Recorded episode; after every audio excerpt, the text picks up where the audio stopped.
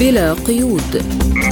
برنامج واسع الطيف نطلعكم فيه على آخر المستجدات على الساحة العربية والعالمية.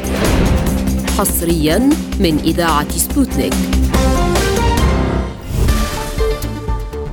ومن وكالة الأنباء وإذاعة سبوتنيك الدولية في موسكو نقدم لكم مستمعين هذه الحلقة جديدة من بلا قيود. أنا نغم كباس. وأنا عماد الطفيلي والبداية بأبرز العناوين. قطر تعلن التوصل بين إسرائيل وحماس إلى اتفاق جديد يتعلق بالأدوية والمساعدات. السعودية تدعو إلى إيجاد مسار للتهدئة في المنطقة. عبر حل القضية الفلسطينية. الإدارة الأمريكية تخطط لإعادة إدراج أنصار الله كحركة إرهابية. الناتو يعلن أن الصراع في أوكرانيا أصبح حرب استنزاف. لازلتم تستمعون إلى برنامج بلا قيود. نبدأ التفاصيل من الملف الفلسطيني إذ أعلنت وزارة الخارجية القطرية التي قادت الوساط بين إسرائيل وحماس التوصل إلى اتفاق يقضي بإدخال مساعدات إنسانية إلى المدنيين حيث قال المتحدث الرسمي باسم الخارجية القطرية ماجد الأنصاري نجاح وساطة دولة قطر بالتعاون مع الجمهورية الفرنسية الصديقة في التوصل إلى اتفاق بين إسرائيل وحماس يشمل إدخال أدوية وشحنة مساعدات إنسانية إلى المدنيين في قطاع غزة لا سيما في المناطق الأكثر تأثرا وتضررا. مقابل إيصال الأدوية التي يحتاج إليها المحتجزون في القطاع. وأكد رئيس الوزراء الإسرائيلي بنيامين نتنياهو توصل للاتفاق موضحا أن الأدوية ستنقل بواسطة ممثلين قطريين في قطاع غزة إلى وجهتها النهائية. والأدوية التي سيتم إيصالها إلى الرهائن في غزة تكفي لعلاجهم لمدة ثلاثة أشهر وفقا لباريس التي تأمل تكرار هذه المبادرة إذا لم يتم الإفراج عنهم قريبا. وللتعليق على هذا الموضوع نستضيف في حلقة اليوم من البرنامج خبير في الشأن الفلسطيني الإسرائيلي أحمد رفيق عوض. أهلا ومرحبا بك أستاذ أحمد ونسألك توصلت إسرائيل وحماس بوساطة قطرية فرنسية إلى اتفاق بشأن توريد الأدوية والمساعدات الإنسانية إلى قطاع غزة هل يمكن اعتبار ذلك خطوة إيجابية نحو تخفيف التوتر بين الطرفين؟ برأيي إنه هذا اتفاق يعني تكتيكي وسريع وياتي ويأتي يبدو ضمن ضمن مجاملات إذا بدك للوسطاء أكثر منه رغبة في الذهاب إلى اتفاق بين إسرائيل وحماس لأنه الفجوات بين إسرائيل وحماس فيما يخص تبادل الأسرى ووقف اطلاق النار كبير وكبير جدا، إسرائيل لا تريد أن تدفع شيئا مقابل هذا الاتفاق، إسرائيل تريد أن تفرض هذا الاتفاق آخر مختلف على الفلسطينيين والفلسطينيين أيضا بعد اغتيال صالح العوري عندهم بطل يعني عندهم رؤية أخرى تماما مختلفة، لهذا السبب أنا برأيي إنه مسألة الاتفاق حول الأدوية يأتي ليس فقط من أجل مجاملة الوسطاء اللي ضغطوا كما يجب لكن أيضا المستشفيات في في قطاع غزة منهارة تماما وتحتاج إلى أدوية ومساعدات طبية كثيرة خاصة إنه المواطنين الفلسطينيين يلجؤون إلى هذه هذه المستشفيات وهناك جرحى وهناك مصابين كثر جدا وبالتالي الأدوية مهمة جدا وإسرائيل واضح أنها تعرف كيف تضغط.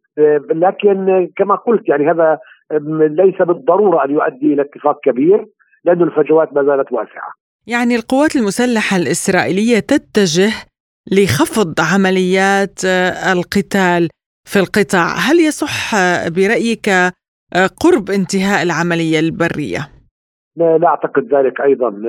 يعني واضح انه هناك ما زال القصف عنيف وال والاقتحامات البرية عنيفة جدا وهناك معارك هائلة تجري في الوسط وفي الجنوب. والانسحابات هذه لا يعني بالضرورة إنه العمليات البرية توقفت أو اختفت لأنه حتى هناك يعني قاده عسكريين يقولون إنه ممكن العودة إلى شمال قطاع غزة خاصة بعد إطلاق رشقات صاروخية 50 صاروخ يوم أمس من شمال أو وسط القطاع. بالتالي هذا لا أيضا حتى الانتقال للمرحلة الثالثة كما يقول وزير الحرب لا يعني إنه توقفت التدخلات البرية. بالعكس مسألة المرحلة الثالثة هي حرب استنزاف يسمح فيها أو يعني من المتوقع إنه قوات الاحتلال تقتحم آه، أي منطقة تغتال أي شخص آه، تخرج بطلعات جوية في أي لحظة. بمعنى آخر المرحلة الثالثة هو تحويل قطاع غزة إلى ما يشبه مناطق جيم في الضفة الغربية. يعني إعادة إعادة إنتاج الاحتلال أو إعادة إنتاج الحصار بشكل أكثر شدة وأكثر حدة. لا أنا برأيي إنه من من من المبكر أن نقول إنه انتهت الحرب أو إنه إسرائيل انتصرت. أو إنه ليس هناك اقتحامات برية، لا أنا برأيي إنه وتيرة الاحتلال وتيرة الحرب بشكل أو بآخر انخفضت عن بداياتها ولكنها ما زالت بنفس أهدافها وبنفس أدواتها. فرض الاتحاد الأوروبي عقوبات على الزعيم السياسي لحركة حماس يحيى السنوار، يعني ما هي دلالة فرض مثل هذه العقوبات على هذا القيادي في حماس؟ الغرب مفلس. الغرب يعني يفلس تماما ومفلس تماما في تعامله مع القضية الفلسطينية ومع قضايا الشعوب كلها. هذا الغرب المجرم. هو يعني يتعامل مع كل شعوب الأرض آه، اللي مش بيضة طبعا بالقوة والاحتكام القوة ويعتقد إنه يفعل ذلك آه، ويحصل على نتائج. وبالتالي أيضا آه، تعامل الغرب الأطلسي مع الفلسطينيين بأسوأ ما يمكن.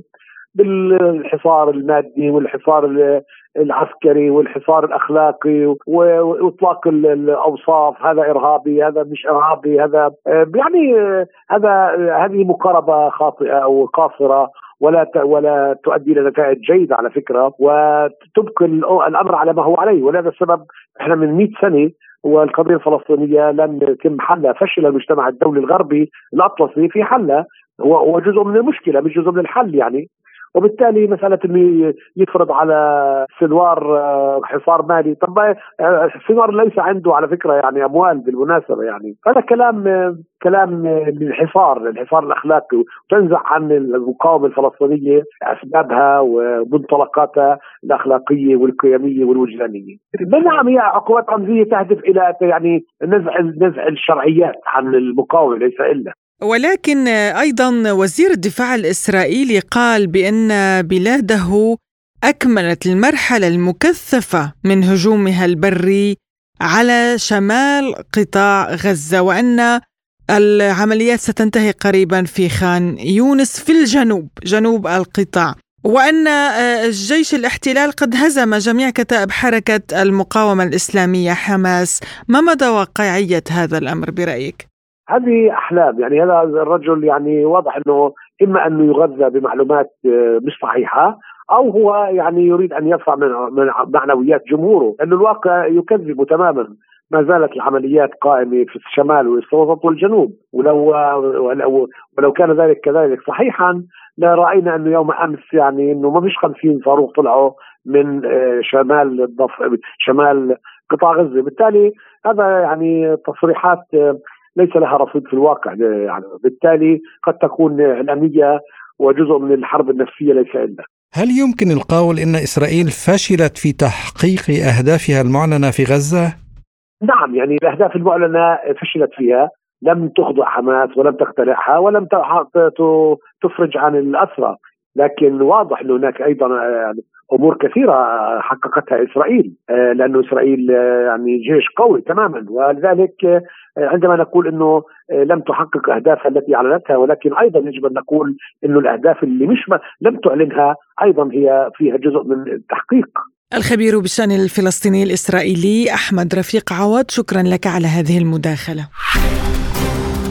لازلتم تستمعون إلى برنامج بلا قيود.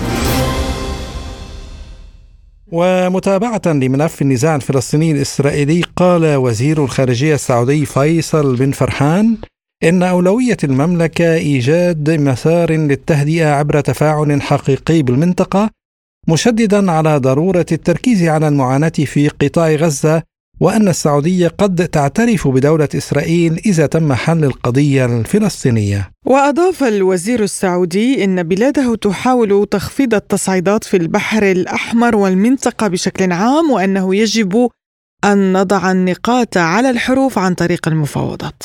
وأعرب بن فرحان عن قلقه بشأن الأمن الإقليمي وحرية الملاحة بالبحر الأحمر مشددا على أن الأولوية للتهدئة وتقليل التصعيد وأن وقف إطلاق النار نقطة بداية لتحقيق العدالة من أجل الفلسطينيين معتبرا أن الحرب في غزة تجر الإقليم بأكمله إلى مخاطر كبيرة ويجب أن يكون هناك وقف إطلاق نار فوري. حول هذا الموضوع قال البروفيسور نايف خالد الوقاع الباحث في كرسي الأمير نايف لدراسات نشر التطرف. أنا أعتقد أن الموضوع معقد بشكل كبير جدا. إسرائيل لديها طموح لديها مشاريع استيطانية وتوسعية. إسرائيل لا تؤمن بالسلام حقيقة ومن, ومن واقع تجارب ببساطة لأن الفلسفة الإسرائيلية وخاصة ال ال ال اليمين المتطرف الإسرائيلي الذي تمثل حكومة بنيامين نتنياهو حاليا تؤمن بأن السلام سيقضي على إسرائيل سيقضي على تعاطف الغرب معها سيخفف من الدعم الأمريكي. وبالتالي إسرائيل لا تريد السلام تريد مجتمع في حالة حرب مجتمع آه، يوحى للعالم بأنه تحت التهديد وتحت زعم أنه مرفوض من المنطقة وبالتالي إسرائيل تضع العوائق بشكل كبير أمام قيام صلح عربي إسرائيلي وبالتالي إقامة الدولة الفلسطينية على حدود 67 إسرائيل تفهم هذه الخلفيات وتفهم متطلبات السلام. وبالتالي أنا أعتقد أن الكرة في مرمى إسرائيل منذ أن طرحت طرح الملك فهد رحمه الله مبادرة السلام السعودية ثم تحولت إلى مبادرة سلام عربية في قمة بيروت.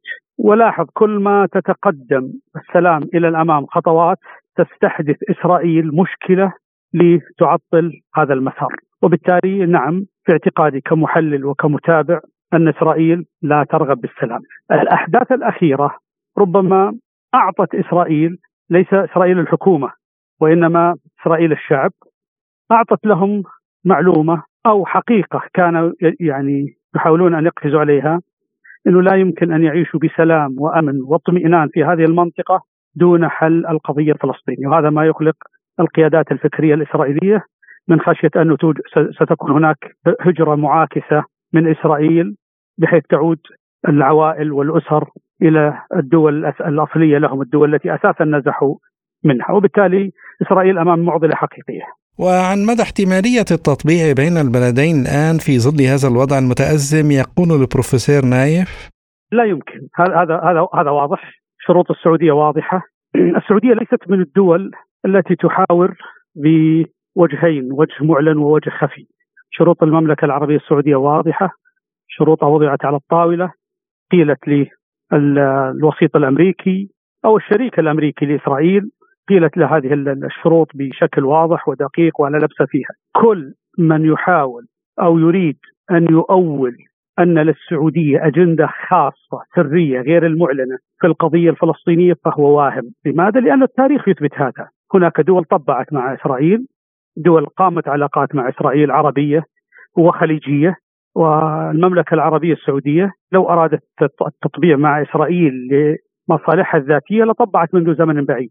ولكن إحدى أهم الركائز الأساسية في السياسة السعودية الخارجية هي حل القضية الفلسطينية وفق القرارات الدولية. هذا ما لا هذا ما لا تريد إسرائيل ابدا، وبالتالي نحن أمام معضلة حقيقية بأنه لا يمكن الجمع مطلقا بين آمال إقامة علاقات مع السعودية وعدم تنفيذ متطلب السعودية وهو إقامة الدولة الفلسطينية، وبالتالي أنا لا أرى في الأفق حقيقة أي بادرة لإقامة علاقات سعودية مع إسرائيل قريبا.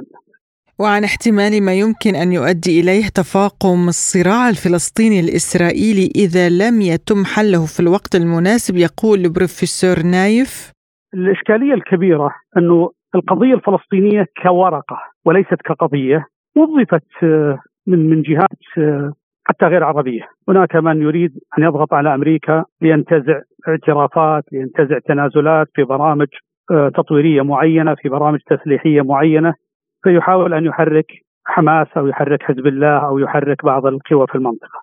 وبالتالي على المدى على المدى المنظور واضح إن هناك حسابات دقيقة عندما تتقدم الولايات المتحدة والحلف الغربي بالقيام بعمل عسكري وشيك يتراجع الطرف الآخر ويسحب سفنه من المنطقة ويأمر ميليشياته بالمنطقة بالهدوء وعدم الاستفزاز.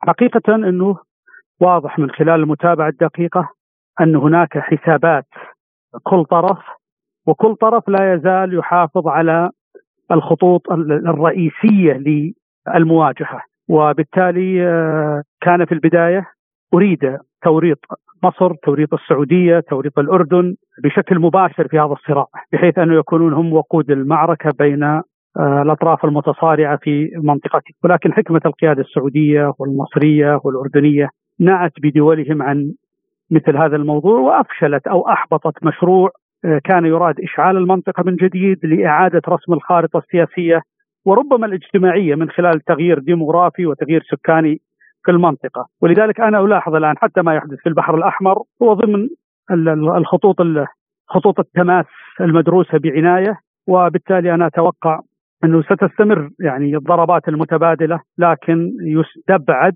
يستبعد نشوب صراع شامل في الشرق الأوسط. قد يحدث في لبنان أمر ما نتيجة لتصرف أو خطأ أو حماقة ما ولكن واضح أن المنطقة تتجه بعد هذه الحرب إلى الاستقرار.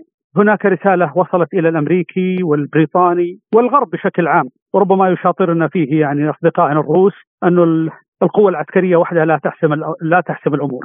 القضية الفلسطينيه عادت إلى الواجهة كانوا يريدون أن يضعوها على الرف عادت على الواجهة مرة أخرى هناك حقيقة حراك اجتماعي في الغرب بعض الإعلام بدأ يغير من استراتيجياته وسياساته بدأ يصف الوضع كما هو وبالتالي أنا أعتقد أنه في الفترة القادمة ستسقط حكومة نتنياهو، اليمين المتطرف ربما يخسر الانتخابات القادمة، وبالتالي ان أخلصت الولايات المتحدة النية ربما نتجه إلى السلام ويحيد حقيقة كل الفرقاء الذين يريدون تأزيم المنطقة باستمرار. استمعنا إلى تعليق البروفيسور نايف خالد الوقاع الباحث في كرسي الأمير نايف لدراسات نشر التطرف لازلتم تستمعون إلى برنامج بلا قيود. وإلى ملفنا التالي إذ قال مسؤول أمريكي إنه من المتوقع أن تعلن إدارة الرئيس جو بايدن عن خطط لإعادة إدراج الحوثيين في اليمن على أنهم إرهابيون عالميون محددون بشكل خاص. وشن الجيش الأمريكي هجمات جوية على اليمن لاستهداف صواريخ البالستية المضادة للسفن في مناطق يسيطر عليها الحوثيون ردا على هجمات الجماعة التي عرقلت الشحن في البحر الأحمر بينما هددت حركة أنصار الله بتوسيع هجماتها لتشمل السفن الأمريكية ردا على هجمات أمريكية وبريطانية على مواقعها في اليمن. ووصف بايدن الحوثيين بأنهم جماعة إرهابية بعدما شنت طائرات حربية وسفن وغواصات أمريكية وبريطانية هجمات في أنحاء اليمن وتوعدتهم بالانتقام. وللتعليق على هذا الموضوع ينضم إلينا من عمان عضو المكتب السياسي لحركة أنصار الله عبد الملك العجري أهلا ومرحبا بك سيد عبد الملك. أهلا وسهلا. أهلا بحضرتك. يعني تخطط إدارة الرئيس الأمريكي جو بايدن لإعادة حركة أنصار الله إلى قائمة المنظمات الإرهابية الأجنبية. يعني هل يحاول البيت الأبيض تبرير تدخل محتمل في اليمن بهذا الشكل بحجة مكافحة الإرهاب برأيك؟ أعتقد هذا وسيلة طاب دائما ما تبتز الولايات المتحدة بها خصومها، يعني هذا سيف مسرط تريد أن تسلطه على رقابنا، أي جماعة أو دولة أو مؤسسة تخرج عن بيت الطاعة الأمريكي تلوح بالتصنيفات الإرهابية كما حصل مع حماس مع آه، حزب الله مع بعض الفصائل.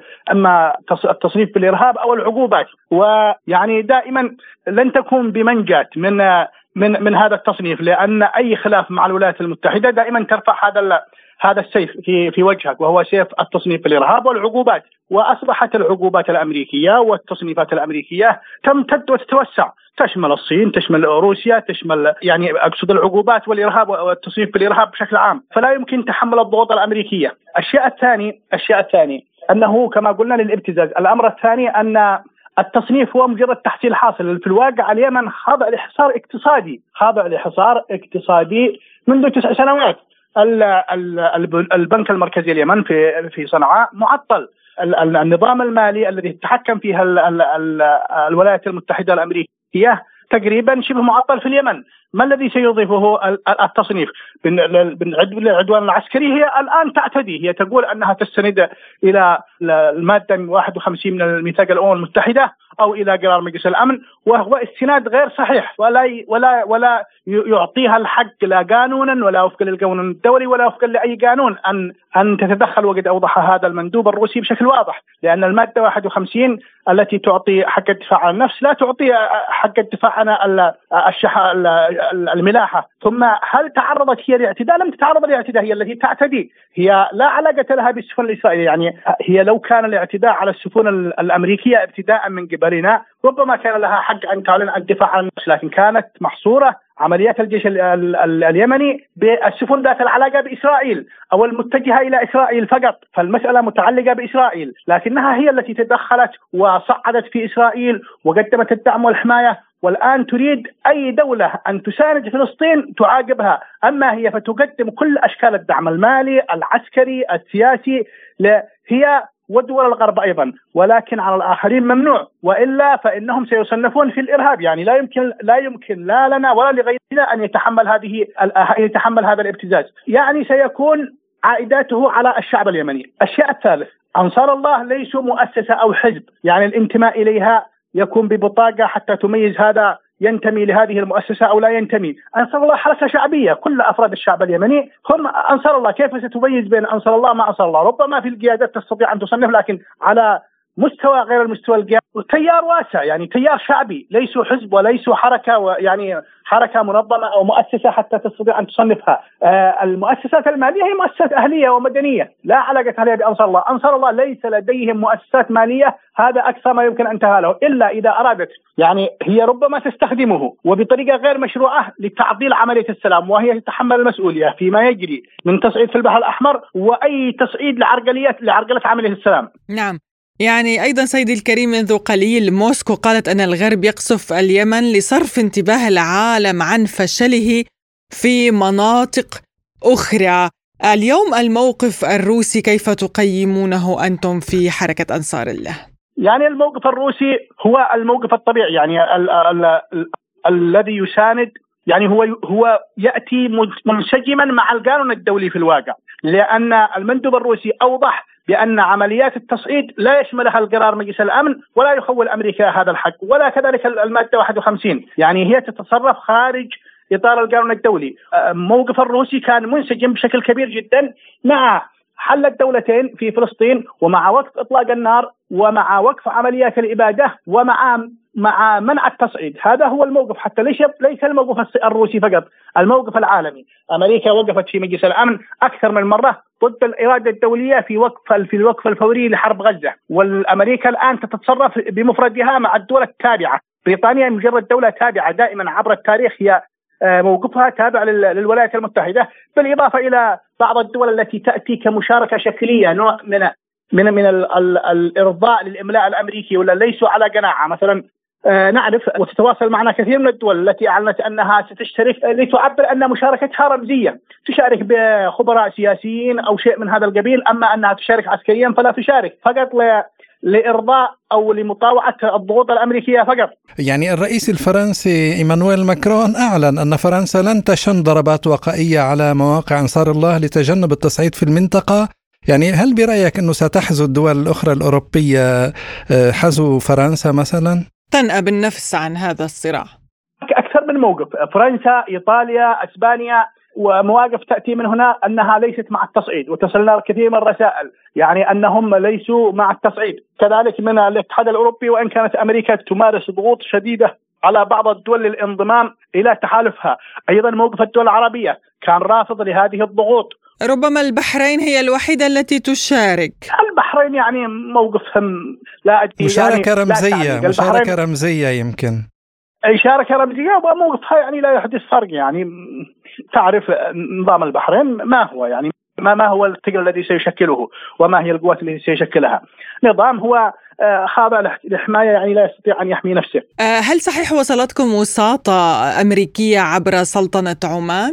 يعني وصلت الكثير من الرسائل عبر آه، عبر سلطنة عمان وعبر أكثر من طرف وكذلك من خلال مبعوثها لليمن. ولكن نحن أوضحنا بشكل صريح لا نرغب في التصعيد ولا نريد التصعيد. لكن أن يأتي أن يأتي رئيس الولايات المتحدة والرئيس الفرنسي ورئيس مجلس الوزراء البريطاني وتأتي دول أوروبا كلها إلى تل أبيب. تتقاطر لدعمها بكل أنواع الدعم بكل أشكال الدعم مال وسلاح وغطاء سياسي ولمساندة إسرائيل التي هي دولة نووية على مجموعة من الفلسطين المحاصرين المظلومين المضطهدين ولا تريد أن يكون هناك أي ردة فعل عربية ولا أي مساندة في فلسطين لماذا نحن اليوم كنا في لقاءات مع بعض الأطراف الأوروبية؟ يعني هل يعني كنا نستفسر لماذا تعتبرون هذا تصعيد الموقف المساند ولا تعتبرون كل هذا الدعم الغربي الكبير لا يعتبر تصعيد؟ بينما أبسط مساندة لفلسطين تعتبرونها تصعيد، يعني هل لأن لديكم يعني تعتبرون هؤلاء الإسرائيليين من أصول أوروبية ولديكم مشاعر خاصة ولديكم التزام خاص لحماية هؤلاء المهاجرين الأوروبيين الذين جاءوا لاحتلال لسلب أرض الفلسطينيين وسلب بيوتهم والآن يسلبون أرواحهم، إذا كان المسألة مسألة عنصرية فهؤلاء أيضا عرب ولدينا التزام لديهم، أما إذا كانت المساله مسألة إنسانية فيجب على الغرب وعلى أمريكا وبريطانيا وفرنسا وكل دول الغرب وكل دول العالم أن تقف مع الشعب الفلسطيني ضد إسرائيل لأنه يتعرض لعملية إبادة جماعية ويتعرض لجرائم حرب جسيمه، هذا إذا كنا نتحدث عن قانون دولي وقانون إنساني، إذا كنتم تريدون قانون دولي فهو قانون دولي على الجميع، يعمل في البحر الأحمر ويعمل في غزة، لماذا تريدون فقط القانون الدولي يعمل حيث تريدون وتعطينها حيث تريدون، إما أن يكون شاملا للجميع أو آه، فلا يكون هناك قانون دولي، أنتم أول من ينتهكه ومن ومن ومن يضرب به عرض الحائط. طيب في آخر تصريح للأمم المتحدة طبعا تدعو أنصار الله إلى وقف هجماتهم على السفن في البحر الأحمر. طب ما هي الشروط التي يطرحها أنصار الله لوقف أي تحرك في البحر الأحمر حتى ضد السفن الإسرائيلية؟ نحن لا نهاجم السفن الأحمر السفن في البحر الأحمر، نحن نهاجم فقط نمنع نمنع السفن الإسرائيلية والسفن الذهبية لإسرائيل، بينما بقية السفن لا لا يوجد أي أثر عليها، وهذا كان يعني هي نوع من المغالطة أن أن تقول الأمم المتحدة الهجوم على السفن. نحن لا نهاجم السفن ويجب أن يكون هذا واضحا. نحن نستهدف فقط السفن الإسرائيلية. وليس هذا الموقف اليمني الأول.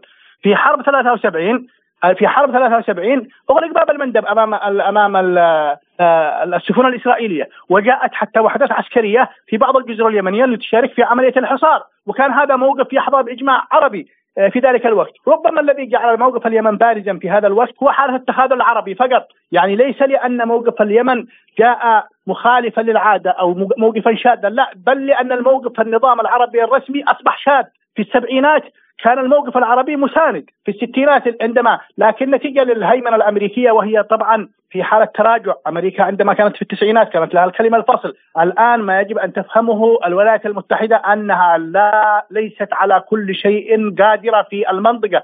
ولم يعد لها الكلمة الفصل. آه، ولا بد بالتوازنات الجديدة وتؤمن بالواقع الجديد وأنه لا يمكن أن تتبلطر هي وإسرائيل كما كما تشاء ولا تتوقع أي ردات فعل. نعم شكرا جزيلا لك عبد الملك العجري عضو المكتب السياسي لحركة أنصار الله اليمنية. شكرا لك على هذه المداخلة سيدي الكريم. شكرا جزيلا سيد عبد الملك. شكرا جزيلا.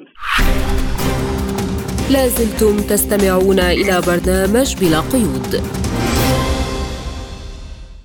ومتابعة لهذا الموضوع ينضم إلينا من صنعاء عبر الهاتف الخبير في الشأن اليمني أحمد علي أحمد البحري. أهلا ومرحبا بك أستاذ أحمد ونسألك البيت الأبيض قال إنه يحتفظ بالحق في اتخاذ إجراءات جديدة ضد الحوثيين فهل تسعى واشنطن إلى صرف انتباه الرأي العام عن الإخفاقات البارزة التي ارتكبتها الإدارة الأمريكية في المنطقة؟ آه، بالنسبة لأمريكا فامريكا وكذلك الكيان الصهيوني آه، لقد أخفقوا كثيرا سواء في غزة أو في اليمن أو في لبنان في المنطقة بأسرها وكذلك في ما يحدث في روسيا بين روسيا وأوكرانيا من حرب وقد وأخفقت أمريكا في العالم بأثر منذ اعتدائها على العراق وأفغانستان وخروجها المين من أفغانستان، فهي تحاول الآن آه، لملمة أوراقها وصرف سواء الرأي العام أو حتى الرأي آه، آه، الرأي الأمريكي في الداخل الأمريكي، لا سيما وإدارة بايدن والولايات المتحدة قادمه على انتخابات فهي تحاول بقدر الإمكان أن تحسن صورتها سواء في الداخل أو لدى المجتمع الدولي. فمنذ انسحاب أمريكا من أفغانستان وهي وهي آه، تتلقى ضربة بعد أخرى ضربة بعد أخرى ولم تستطيع أن تحقق شيئا حتى أن الكيان الصهيوني رغم الدعم الذي تقدم له أمريكا سواء على المستوى العسكري أو اللوجستي أو الاستخباراتي أو الاقتصادي إلا أن كل ذلك لم يجدي نفعا ووضع الوضع الآن آه، بالنسبة للكيان الصهيوني من سيء إلى اسوء وسواء من الناحية الاقتصادية أو العسكرية أو حتى أن بقائي الآن في المنطقة أصبح مهددا لا سيما بعد ما حدث في آه، غزة من مجازر يرتكبها واباده جماعية وجرائم حرب.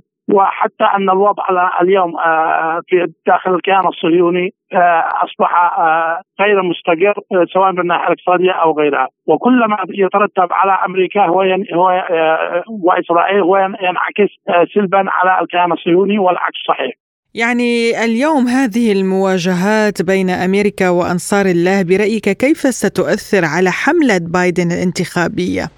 نعم لا سيما هو أن العالم اليوم جميع العالم يتعاطف مع ما يقوم باليمن من من مناصره لإخواننا في غزة. محاولة رفع الحصار على إخواننا في فلسطين وقد شاهدتم هناك عدة مظاهرات في أكثر من مدن سواء مدن في العالم وحتى داخل الولايات المتحدة الأمريكية وحتى أمام البيت الأبيض. أعتقد أن هذا لا شك فيه بأنه سوف يكون له تأثير كبير جدا. لا سيما وأن أمريكا تتغنى بأنها راعية لحقوق الإنسان والحريات والديمقراطية وهي تقوم اليوم بعكس كل كل ما تدعيه أو أو تحاول آه، أن تثبته خلال آه، فترة حقود. آه، وقد نسبت بناصرتها لغزة وما يحدث من قتل وإبادة. وهي اليوم الدولة الوحيدة التي ترفض وقف إطلاق النار. وتقوم اليوم بمحاربة اليمن لأن اليمن يناصر إخواننا في غزة. فهذا كله آه، لا شك فيه سيكون له تأثير كبير جدا على الحملة الانتخابية وعلى الرأي العام الأمريكي. يعني حسب ما تفيد وسائل الإعلام وافقت الدول الأعضاء في الاتحاد الأوروبي مبدئيا على إنشاء مهمة بحرية لضمان سلامة السفن في البحر الأحمر. هل يمكن أن يؤدي إرسال بعثة أوروبية إلى تفاقم الوضع وإجبار الحوثيين على اللجوء إلى إجراءات أكثر صرامة؟ المتضرر الوحيد من أي تصعيد في البحر الأحمر هي آه، أوروبا وأمريكا وبقية الدول. آه، آه، وأي تصعيد أو محاولة عسكره البحر الأحمر فهذا سيكون له تأثير كبير جدا على الدول على الدول الأوروبية وأمريكا وإسرائيل وغيرها. أما بالنسبة لليمن فاليمن هو في هذه اللحظة ليس لديه ما يخسره. وأي تصعيد في البحث سيقابل بتصعيد أكبر.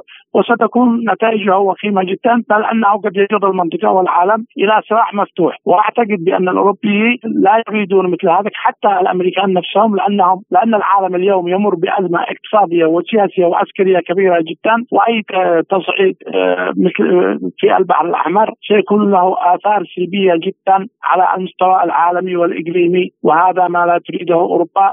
خلال الأيام الماضية آه، رأيتم بأن معظم الدول آه، بعد أن قامت أمريكا بدعوة إلى إنشاء حلف في البحر الأحمر. رفضت ذلك بما فيها الدول الاوروبيه ولم تستجيب لها إلا بريطانيا، أمريكا اليوم تمارس الضغط على دول أوروبية وغير ودول حتى عربية في المنطقة بأن تكون لها مشاركه أو دور فيما يحدث في البحر الأحمر إلا أن معظم هذه الدول ترفض وقد لاحظتم أمس أن هناك تصريحات كثيرة جدا في منتدى فوكس الاقتصادي بأن ما يحدث في البحر الأحمر هو نتيجة ما يحدث مرتبط بما يحدث في غزة وأن الحل الوحيد هو وقف العدوان على غزة. وحتى أن الدول التي تعتبر شريك الولايات المتحده في المنطقة رفضت هذا التحالف وصرحت بأن الحل الوحيد هو وقف العدوان على غزة، الأوروبيين ليسوا بحاجة إلى أي تصعيد في المرحلة الراهنه لا سيما وأن الوضع في أوكرانيا يزداد سوءا وروسيا تحقق انتصارات كبيرة جدا سواء على المستوى العسكري أو الاقتصادي أو حتى الاجتماعي. ما مدى صحة المعلومات التي تتحدث عن عرض الإدارة الأمريكية على أنصار الله الاعتراف بحكومتهم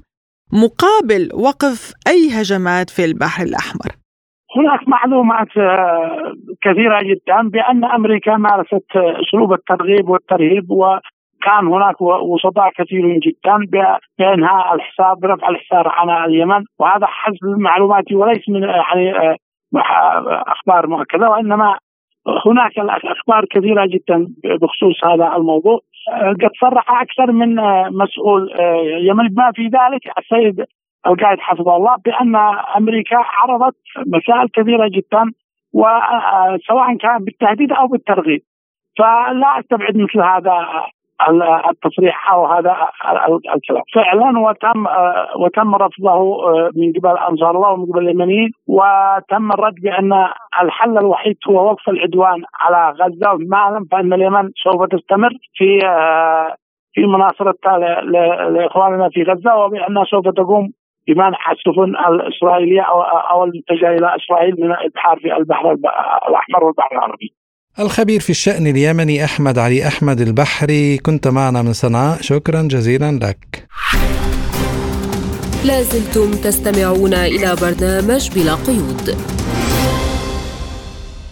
وننتقل إلى الشأن الأوكراني إذ صرح الأمين العام لحلف شمال الأطلسي يانس ستولتنبرغ أن الصراع في أوكرانيا أصبح حرب استنزاف ومن الضروري إيلاء المزيد من الاهتمام لتوفير إمدادات كافية من الذخيرة وقطع الغيار. وقال ستولتنبرغ هذا يعني أننا الآن لا نحتاج فقط إلى نشر أنظمة جديدة ولكن أيضا إلى التفكير في الحصول على ما يكفي من الذخيرة وقطع الغيار من دول الناتو من أجل إمدادات الأسلحة إلى أوكرانيا.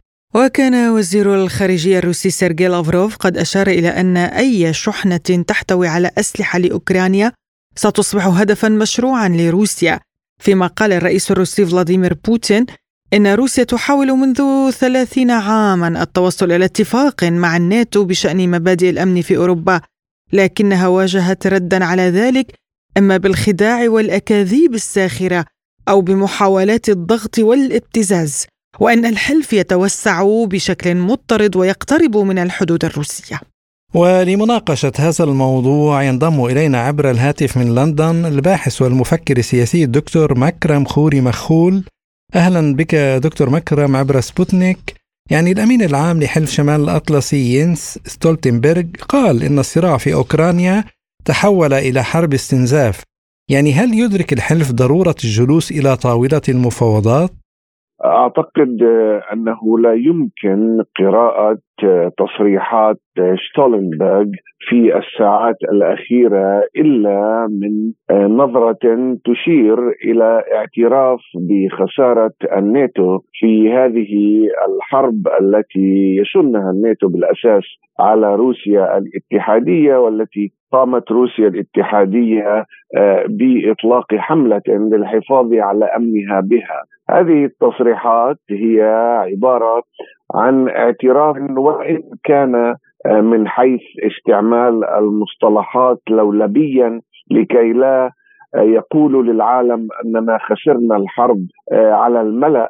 ولكن بالتأكيد ممكن بعد تفكيك ما قاله من تصريحات لعدة وسائل إعلام في المنتدى الاقتصادي في دافوس أن الناتو هو بالفعل خسر هذه الحرب. لقد تطرق لعدة نقاط. النقطة الأولى والأساسية هو صراع الناتو آه، مع آه، الكونغرس الأمريكي ومطالبته باستمرار أن يقر الكونغرس الميزانية ميزانية أسلحة آه، للحرب على روسيا. وهذا لم يحصل حتى الآن. وقراءة في مواقف الكونغرس تشير إلى أنهم والآن نحن نقترب من عامين لهذه الحرب. نحن الآن نفهم أن الكونغرس ليس له ثقة آه، بأن إدارة بايدن تدير هذه الحرب بشكل قد يؤدي إلى النجاح أو الفوز أو النصر. وهذا شيء من ناحية الناتو والكونغرس الأمريكي مقلق للغاية. ولذلك فنرى أن تصريحات شتولنبرغ الذي أيضا هو سيترك منصبه عام آه، تشير إلى أن آه، الاحتمال الأبرز آه، هو أن تتجه الناتو وأمريكا إلى مفاوضات مع روسيا تفضي إلى نهاية هذه الحرب بخسارة الناتو ووفقا لشروط روسيا. يعني دكتور التحالف الغربي آه، يقوم بتوسيع نطاق تدريب القوات المسلحة الأوكرانية ويقول بأنه يبتكر في أوكرانيا أساليب جديدة. ما نوع هذه الابتكارات برأيك؟ وهل يمكن أن تؤثر على الميدان؟ قوات الناتو بسياستها آه، التي تود أن تلحق الهزيمة بالقوات الروسية. انتهجت وتنتهج جميع آه، الطرق وجميع أنواع الحرب ضد روسيا الاتحادية وبالأساس هذه الحرب هي أيضا حرب تكنولوجية ولكن حتى في الحرب التكنولوجية منيت قوات الناتو بالهزيمة. بعد سنتين نحن نرى أن آه، أوكرانيا تحولت أيضا إلى ساحة حرب يستعمل فيها الناتو آه، بكل آه، مصانع أسلحته المنتشرة على الكثير من الدول الغربية.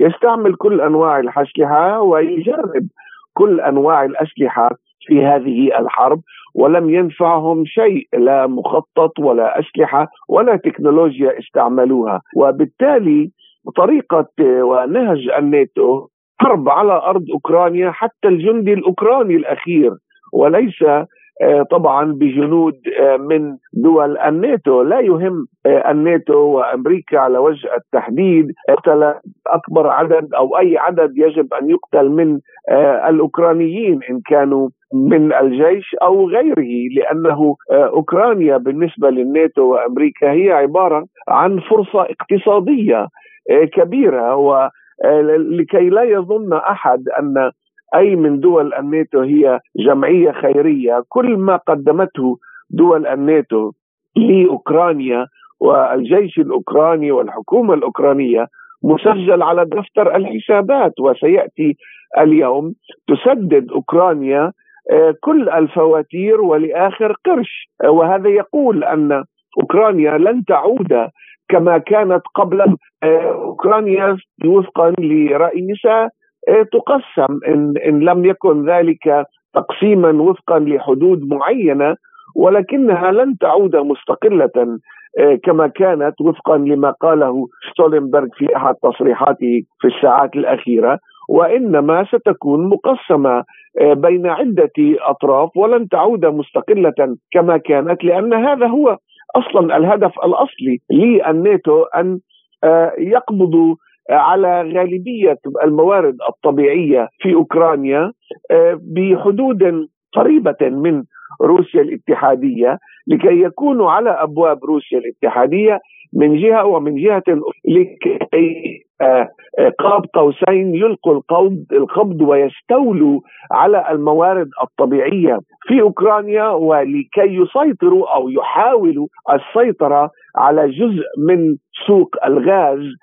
وينافس آه، روسيا الاتحادية بما يتعلق بالغاز آه، وإيصاله إلى أوروبا والأسواق الأخرى. دكتور مكرم يعني شكلت لاتفيا تحالفا يضم ما يقرب من 20 دولة لتزويد أوكرانيا بطائرات بدون طيار يعني هل تتوقع أن هذا الإمداد بالمسيرات سيغير الوضع الميداني أو كما يقول المثل الشعبي الغريق يتعلق بقشة؟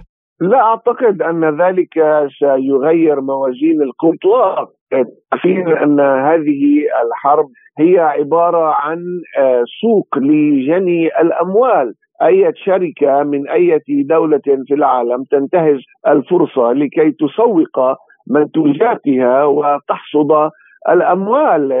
آه، لا أعتقد أن الناتو سيرفض آه، أي عرض من أي شركة ومن أي دولة ممكن أن تحاول قيد أنملة أن آه، تقدم بعض التقدم للجيش الأوكراني. يعني هم الآن بالفعل مستعدون تماما آه، التعلق بحزام أي أي شركة أو أي دولة. لكي يظنوا أنهم هذه التكنولوجيا أو تلك نوع من التقدم الخفيف. ولكن إن بعد سنتين لم يتحقق أي نصر لهم اذا أنا أشك بأن يكون هناك أي انتصار آخر.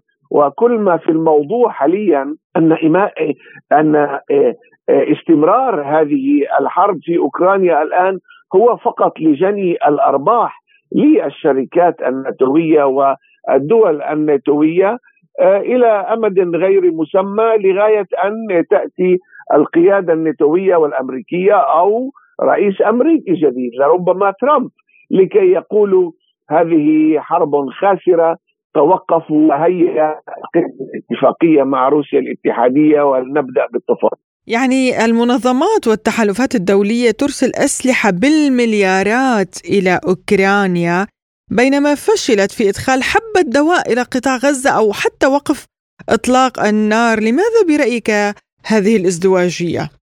مع أن آه، الناتو كمنظمة ليست شريكة رسميا في هذه الحرب العدوانية على قطاع غزة إلا أن آه، العواصم الغربيه وبالتأكيد واشنطن وبرلين ولندن وغيرها كلها شريكة أو شريكة متواطئة في حرب الإبادة الجماعية والتطهير العرقي التي أسميتها بالعرقباده ضد الشعب الفلسطيني. وهم بشراكتهم هذه آه، في هذه الجرائم إنما يقوون الاحتلال الإسرائيلي ويعرون ذاتهم بأنفسهم أن كل ما آه، تغنوا به من حريات واستقلال وديمقراطية والتعبير عن الرأي ومصالح الشعوب واستقلال الشعوب. ما هو إلا أكاذيب وكله سقط قناع بعد قناع آه، ولكي كلهم يلتموا ويحاربوا. شعب أعزل محاصر غير مسلح آه، ليس له جيش آه، في قطاع غزة الصغير جدا. اذا نحن بالتأكيد نرى ليس فقط نفاق وإنما تآمر لغالبية العواصم الغربية الريادية في هذه الحرب الإبادية والعرقبادة ضد الشعب الفلسطيني في قطاع غزة. الباحث والمفكر السياسي الدكتور مكرم خوري مخول شكرا لك على هذه المداخلة. لازلتم تستمعون إلى برنامج بلا قيود.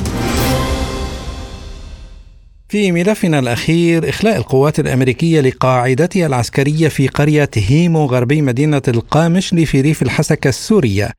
وذلك بعد أيام من تعرضها لهجمات عدة في الأشهر الأخيرة وكذلك أخلت ما يسمى قوات مكافحة الإرهاب التابعة لقسد مقرها في المنطقة وأبقت على عدد محدود من الموظفين والحراس. يأتي ذلك بعد أن أعلنت فصائل عراقية تعرف باسم المقاومة الإسلامية في العراق أنها استهدفت قاعدة هيمو العسكرية الأمريكية الواقعة إلى جهة الغرب من مطار القامشلي شمال شرقي سوريا ردا على استهداف الجيش الإسرائيلي للمدنيين الفلسطينيين. وأفاد مراسل سبوتنيك أن انفجارات هزت قاعدة الجيش الأمريكي في حقل كونيكول للغاز في ريف دير زور الشمالي ناتجة عن هجوم برشقة صاروخية إضافة إلى استخدام المضادات الأرضية بالتصدي لها. بالفعل انسحبت مجموعات ما يسمى الاستخبارات الأمريكية الموجودة ضمن مركز أو قاعدة هيمو غربي مدينة القامشلي بمحافظة الحسكة بعد أيام من تعرض هذه القاعدة لهجوم عبر طائرة مسيرة من قبل المقاومة العراقية. حقيقة هذه المجموعات التابعة لوكالة الاستخبارات الأمريكية سي اي تقوم بالإشراف على ما يسمى بحاكم الإرهاب وما يسمى أيضا بالمعلومات الاستخباراتية التي تحصل عليها من معتقلي تنظيم داعش أو من قبل آه، من قبل قوات قصد آه، لتزويد القواعد الأمريكية الموجودة في شرقي وشمالي سوريا آه، بالتحديد. حقيقة هذا الانسحاب يأتي بعد تزايد عدد الهجمات الصاروخية وعبر الطائرات المسيرة التي تعرضت لها القواعد الأمريكية اللا شرعيه في محافظة الحسكة ومحافظة دير الزور. هنالك اكتفاء وعدم خروج من القواعد الأمريكية، الدوريات الأمريكية لا تسير كما كالمعتاد، كل هذا ينصب في ظل ظل ظل كما كنا تزايد الهجمات الصاروخية والهجمات عبر الطائرات المسيرة مما جعل من القوات الأمريكية أن أن تعتكف ضمن قواعدها العسكرية المعروفة حيث تم انسحاب مجموعات الاستخبارات الأمريكية كما قلنا إلى قاعدة البيدر شمالي مدينة الحسكه. وللوقوف على هذا الموضوع ينضم إلينا عبر الهاتف الخبير العسكري مهند الحاج علي أهلا بك أستاذ مهند في برنامج بلا قيود. يعني ونبدأ من إخلاء الجيش الأمريكي لأفراد من قاعدة هيمو في محيط القامشلي ومعه أيضا عناصر من قسد ما الأسباب برأيك؟ طبعا في البداية تحية لكم. بكل تأكيد سيدتي الكريمة نحن نعلم تماما أن اليوم في إطار عملية طوفان الأقصى هناك تكافل وتضامن من كل أركان محور المقاومة لتصعيد الضربات على الولايات المتحدة الأمريكية وقواعدها الغير شرعية في سوريا والعراق. نتيجة أن الولايات المتحدة الأمريكية ما زالت حتى الآن تعطي الضوء الأخضر للقتل والتدمير الممنهج والإبادة الجماعية للشعب الفلسطيني. وبالتالي الشعوب العربية المقاومة تتضامن بكل قوتها وحسب أساليبها لمحاولة ردع الولايات المتحدة الأمريكية أو إجبارها على وقف هذا العدوان. طبعا هذا تصاعد في الفترة الأخيرة. إضافة إلى ذلك نحن نعلم أنه منذ عام ونصف تقريبا نستطيع أن نقول أن هناك ثورة مسلحة من قبل بعض العشائر العربية ضد تنظيم قسد الإرهابي وضد الوجود الأمريكي الذي يدعم وجود هذا التنظيم الانفصالي. والذي يقوم بممارسات طبعا آه، يندى لها الجبين ضد شعبنا العربي الموجود في الجزيرة العربية وبالتالي العشائر العربية ضاقت ذرعا بهذا التنظيم. ورأينا أنه كانت هناك حالة من أنواع الاقتتال وسيطرت العشائر العربية على بعض المناطق هناك وطردت قوات قتاد لذلك أدركت الولايات المتحدة الأمريكية ومنذ فترة أن هذا التنظيم هو غير قادر على القيام بدوره الوظيفي في تنفيذ سياساتها في سوريا من خلال الضغط على الحكومة السورية وطبعا آه، إنشاء فيدرالية في سوريا. بالإضافة إلى ذلك السبب الأساسي في ذلك أنه غير مقبول من الشارع الموجود هناك وبالتالي هو غير قادر على تثبيت نفسه لتنفيذ سياسات الولايات المتحدة الأمريكية بالإضافة إلى أنها تقوم بسرقة ثروات السوريين السوريين وتشكيل عامل ضغط اقتصادي على الشعب السوري وحكومته. لذلك هي تحاول استبداله ودائما يلجأ الديمقراطيين بشكل عام إلى الاعتماد على الوكلاء واستبدالهم منذ فترة لأخرى حسب تصريحات بايدن. يعني منذ بداية ولاية بايدن قال نحن سوف نعتمد على الوكلاء أو وكلائنا حسب تعبيره في إدارة شؤون الشرق الأوسط ووكلاء أمريكا في منطقتنا معروفين وهي التنظيمات الإرهابية والانفصالية. لذلك تعمل اليوم أمريكا على إعادة إنتاج وتوليد تنظيم داعش الارهابي مرة أخرى ومحاولة آه، سحب يد تنظيم قسد الانفصالي ومشروعه الانفصالي كونه غير مقبول في الجزيرة السورية. لذلك مع تصاعد الضربات آه، حالة الرفض الشعبي الموجود في الشارع ضد وجود هذا التنظيم وضد الوجود الأمريكي بالإضافة إلى ذلك اليوم الحالة العامة لدى محور المقاومة وخاصة الفصائل المقاومة في العراق ومشروع القانون الذي آه، طرح في البرلمان العراقي والذي يتحدث عن آه، ضرورة إخراج القوات الأمريكية وإنهاء التعاون الأمني معها وخاصة أن الجيش العراقي والحشد الشعبي والجيش العربي السوري وفصائل المقاومة السورية استطاعت أن تقضي على هذا التنظيم بدون مساعدة أحد. لذلك لا لا يوجد هناك داعي للتحالف مع أمريكا أنا أتحدث هنا عن الجانب العراقي لذلك هناك مشروع قانون مقدم لإخراج القوات الأمريكية أو الاستغناء عن خدماتها في منطقتنا. هل يمكن أن نتوقع إنهاء الوجود الأمريكي في سوريا وأيضا من دول أخرى مثل العراق؟ يعني اليوم هذه إرادة لمحور المقاومة والسيد حسن نصر الله تحدث عن هذا الموضوع وقال إنها فرصة تاريخية لسوريا والعراق من أجل إنهاء الوجود الأمريكي و طبعا يعني المساهمة أو الاستفادة من نتائج معركة طوفان الأقصى بإنهاء الوجود الأمريكي وذلك من خلال تصعيد عمليات المقاومة. وهذا ما لمسناه بصراحة في الفترات الأخيرة وخاصة مع التعنت الأمريكي وعدم قدرة أمريكا على إيجاد أي حلول سياسية من شأنها أن توقف سفك الدم في غزة. وبالتالي هناك شعوب عربية مقاومة لن ترضى بهذا الموضوع وسوف تجد القواعد الأمريكية عبارة عن أهداف سهلة وقريبة ممكن استهدافها من أجل الضغط على أمريكا. لذلك اليوم بما أن هناك إرادة عراقية لإخراج القوات الأمريكية وطبعا رفض الوجود الأمريكي يمكن أن نشهد إذا لم نصل إلى مرحلة التسوية الكبرى، يعني أنا باختصار نقول نحن على أعتاب. إما تسوية كبرى في منطقة الشرق الأوسط تتضمن خروج الأمريكي أو الانجراف إلى معركة كبرى. أيضا سوف تؤدي إلى الخروج الأمريكي لأن أمريكا غير قادرة على تحمل آه، آه، يعني نتائج الدم عن هكذا معركة تشترك فيها مختلف صنوف آه، يعني قوات المقاومة. ومن كل الاتجاهات. يعني القواعد الأمريكية في سوريا سوف تهاجم من سوريا وسوف تهاجم من من العراق وسوف تكون بين طرفي كماشه لذلك دورها الوظيفي لن تعود قادرة على تحقيقه وبالتالي سوف تكون أهدافها. لا أتوقع أن أمريكا سوف تقوم بسحبها.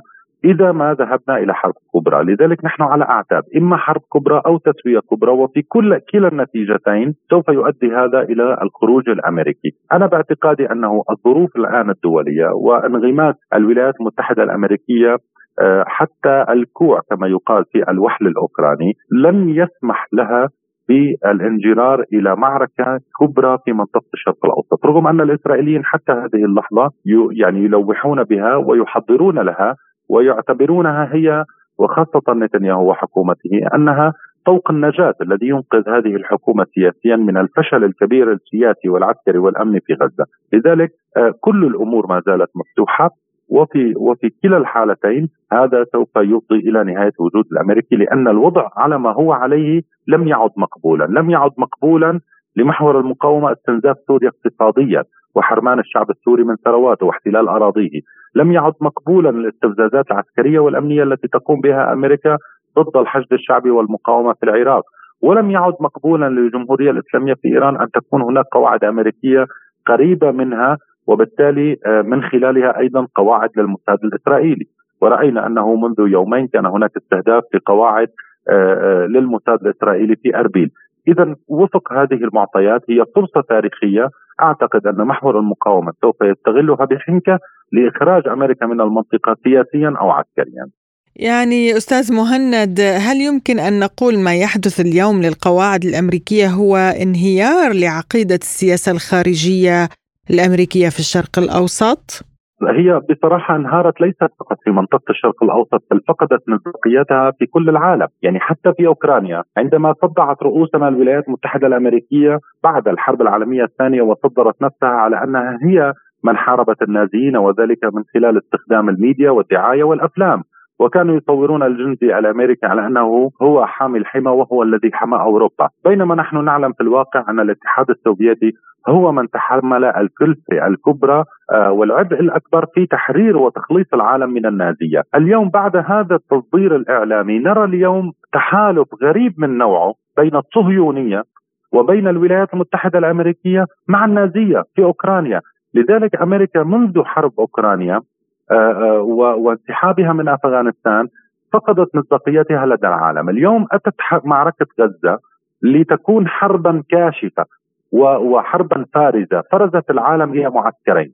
يعني أنا دائما أقول الحرب أو العدوان على سوريا فرز العالم إلى معسكرين. معسكر يناهض سياسات الولايات المتحدة الأمريكية ويدعم الشعب السوري والشعوب العربية في حق تقرير مصيرها ومعسكر مع سياسات الولايات المتحدة الأمريكية ويدور في فلكها. ولكن مع الضعف الأمريكي الملحوظ وعدم قدرتها على دعم حلفائها أو عدم رغبتها في ذلك والتخلي عنهم كما رأينا في أفغانستان والعراق وحتى في أوكرانيا الآن بدأت تفقد مصداقيتها، اليوم حرب غزة أيضا هي حرب فارزة ولكن فرزت العالم بأسلوب آخر. بين أناس يحترمون الشعوب وقراراتها وحقها في تقرير مصيرها وحقها في الحياة وبين شعوب على استعداد أن تسفك دم يعني تسفك دماء آه، ملايين البشر مقابل تحقيق بعض المكاسب السياسية أو الاقتصادية. وبالتالي اليوم نحن نقاتل يعني بتنا نقاتل معسكرا يريد سفك الدماء ومعسكر يريد حقن الدماء. وبالتالي فرز العالم على هذا الأساس. وهذا انعكس على المنصات الأممية وانعكس حتى على آه، الأمم المتحدة نفسها، يعني اليوم في الجمعية العامة للامم المتحدة عندما اتخذت 153 دولة قرارا بإيقاف العدوان على غزة وأمريكا ترفض وطبعا فقط 10 دول، هذا آه، آه، يعني وضع العالم أمام آه، حقيقة السياسة الأمريكية وبالتالي اليوم سوف نرى الكثير من الدول وبدأنا وبدأنا نلمسه. هذا واقع على الأرض كجنوب أفريقيا وغيره من الدول. تتخذ سياسات مغايرة تماما لسياسات الولايات المتحدة الأمريكية وتتخلى عن ركبها بل وحتى يعني تنخرط في المعسكر المناهض لسياسات أمريكا الإجرامية. لذلك الوجه الحقيقي لأمريكا قد كشف وهذه الإمبراطورية آه، بدأت تتصدع لم تعد سوى بصراحة نمر آه، من ورق وبالتالي لم تعد تخيف تخيف احدا وبدأت الدول الضعيفة أو المستضعفة تتحالف فيما بينها تتحالف مع المعسكر الشرقي أكثر بقيادة روسيا والصين من أجل درء هذا الخطر القاتل القادم من الغرب. الخبير العسكري مهند الحاج علي كنت معنا عبر الهاتف من دمشق، شكرا لك على هذه المداخلة. إلى هنا مستمعينا الكرام تنتهي حلقة اليوم من برنامج بلا قيود كنا معكم فيها أنا عماد طفيلي وأنا نغم كباس بأمان الله